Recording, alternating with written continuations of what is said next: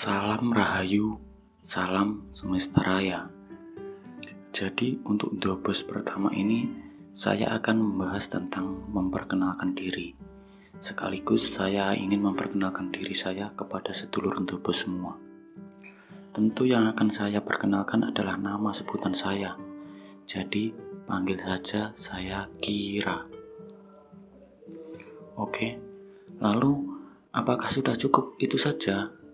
Tentu, jika kita ingin memperkenalkan diri secara umum, ya saya rasa sudah cukup dengan saling kenal nama.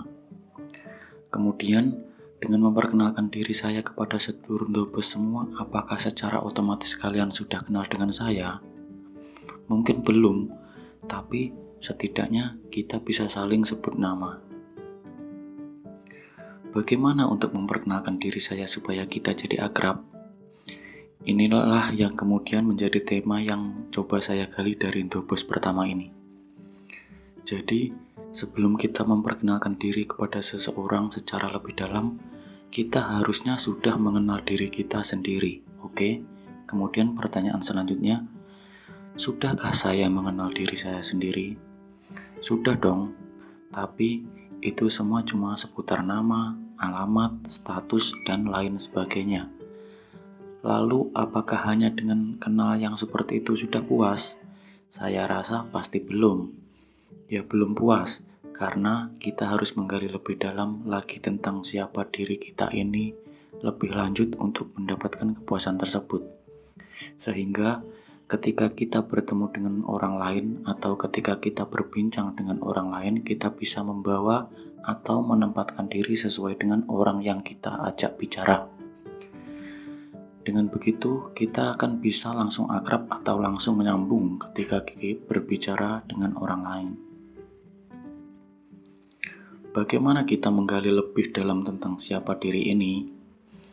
Di luar sana ada satu kalimat yang saya anggap sangat sakral, yang katanya kita harus mengenal diri sebelum mengenal Tuhan. Apakah benar demikian? Wah, saya belum berani sampai ke sana itu sangat dalam dan berat. Takutnya saya bisa tenggelam. Kita bicara yang ringan-ringan saja dulu. Misalnya, harus mengerti dan sadar bahwa kita adalah manusia. Jadi, untuk mengenal diri yang pertama adalah sadar bahwa kita adalah manusia. Kita harus mengerti sifat manusia itu sendiri, harus memahami bahwa kita adalah manusia. Kenapa begitu? Karena banyak yang tidak sadar bahwa dirinya adalah manusia. Misalnya saja, banyak yang tidak peka dengan penderitaan orang lain. Kita lebih memikirkan diri kita sendiri atau terlalu acuh dengan keadaan orang lain. Sifat-sifat yang seperti itulah yang kemudian menutupi kita untuk mengenal diri ini. Selanjutnya, sadar bahwa kita penuh dengan kekurangan. Dengan begitu, kita akan Bersikap rendah diri ini juga tidak kalah penting. Merendah kepada orang lain bukan berarti kita tidak sederajat dengan orang tersebut.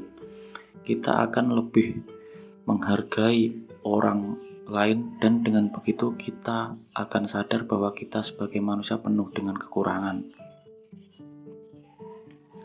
Memandang diri dari sudut pandang yang berbeda. Ini mungkin agak sulit karena untuk mengubah sudut pandang kita perlu pikiran yang terbuka. Caranya, coba kalian amati apa yang dipikirkan orang lain tentang sifat atau karakter kalian. Walaupun tidak pasti tepat dengan apa yang mereka pikirkan, setidaknya kita bisa menerka dan kemudian memperbaikinya, sifat dan karakter kita di depan orang tersebut. Menempatkan diri kita pada tempat yang tepat. Apa maksudnya? Jadi sedulur dopo semua, yang paling penting saat kita berkumpul atau berinteraksi dengan orang lain adalah kita tahu diri. Misalnya, lebih baik diam dan mendengarkan saat orang lain bicara. Kemudian, lebih baik kita tidak berbicara tentang sesuatu yang kita tidak pahami. Istilah Jawanya ojo keminter. Harus tahu tempat. Mengenal kapasitas diri kita sendiri. Ini hampir mirip dengan poin yang sebelumnya. Kita harus mengenal kapasitas kita sebagai manusia. Setiap orang pasti mempunyai keunikannya sendiri, mempunyai perbedaan dalam sifat, sikap, dan karakter. Jadi, kita harus bekerja sesuai apa yang kita mampu. Jangan sok kuat, kita akan lebih cepat jatuh karena kesombongan kita sendiri. Kendalikan dirimu. Yang dimaksud dari poin ini adalah tentang emosi dalam diri. Terkadang kita sangat sulit mengendalikan amarah, mudah khawatir, terlalu sedih, atau sangat gembira. Sebenarnya, itu semua adalah sifat umum dari manusia itu sendiri, tetapi itu juga bisa menjadi pedang yang mengarah pada kita sendiri. Kehilangan kendali pada diri akan membuat dirimu kacau karena mudah terombang-ambing dengan keadaan lingkungan dan omongan orang lain. Apalagi sekarang sudah menjadi zaman yang terlalu terbuka atau bebas. Jadi, kendalikan dirimu dengan baik untuk bisa mengenal diri sendiri. Bercengkerama dengan diri sendiri. Bukan berarti saya gila jika berbicara dengan sendiri loh ya. Maksudnya adalah kita bisa tanya jawab dengan diri sendiri sebelum mengambil sebuah keputusan, agar bisa menimbang baik dan buruknya. Terkadang tanya jawab dengan diri sendiri itu lebih efektif loh. Itu juga bisa terjadi perbincangan antara hati dan pikiran. Refleksi diri atau bisa juga merenungi semua yang telah terjadi di masa lalu semua kesalahan yang telah kita perbuat, atau apa pun yang telah kita lalui. Kita bisa mengambil banyak pelajaran dari peristiwa masa lalu tersebut, sehingga akan lebih mudah untuk mengambil keputusan dalam menjalani kehidupan di masa depan, atau bisa saja kita sebut belajar dari masa lalu. Saya rasa cukup itu dulu ya sedulur Dobos.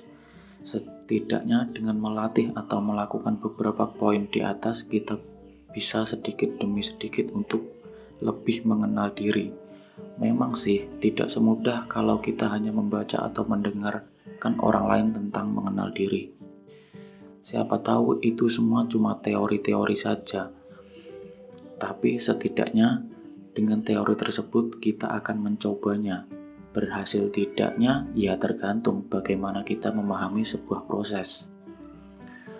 Itulah cara atau proses untuk mengenal diri ala saya. Jangan terlalu dipikirkan jika tidak setuju. Namanya juga channel Dobos. Jadi, ya ngomongnya ngalur ngidul tidak karuan. Sekian dan salam rahayu.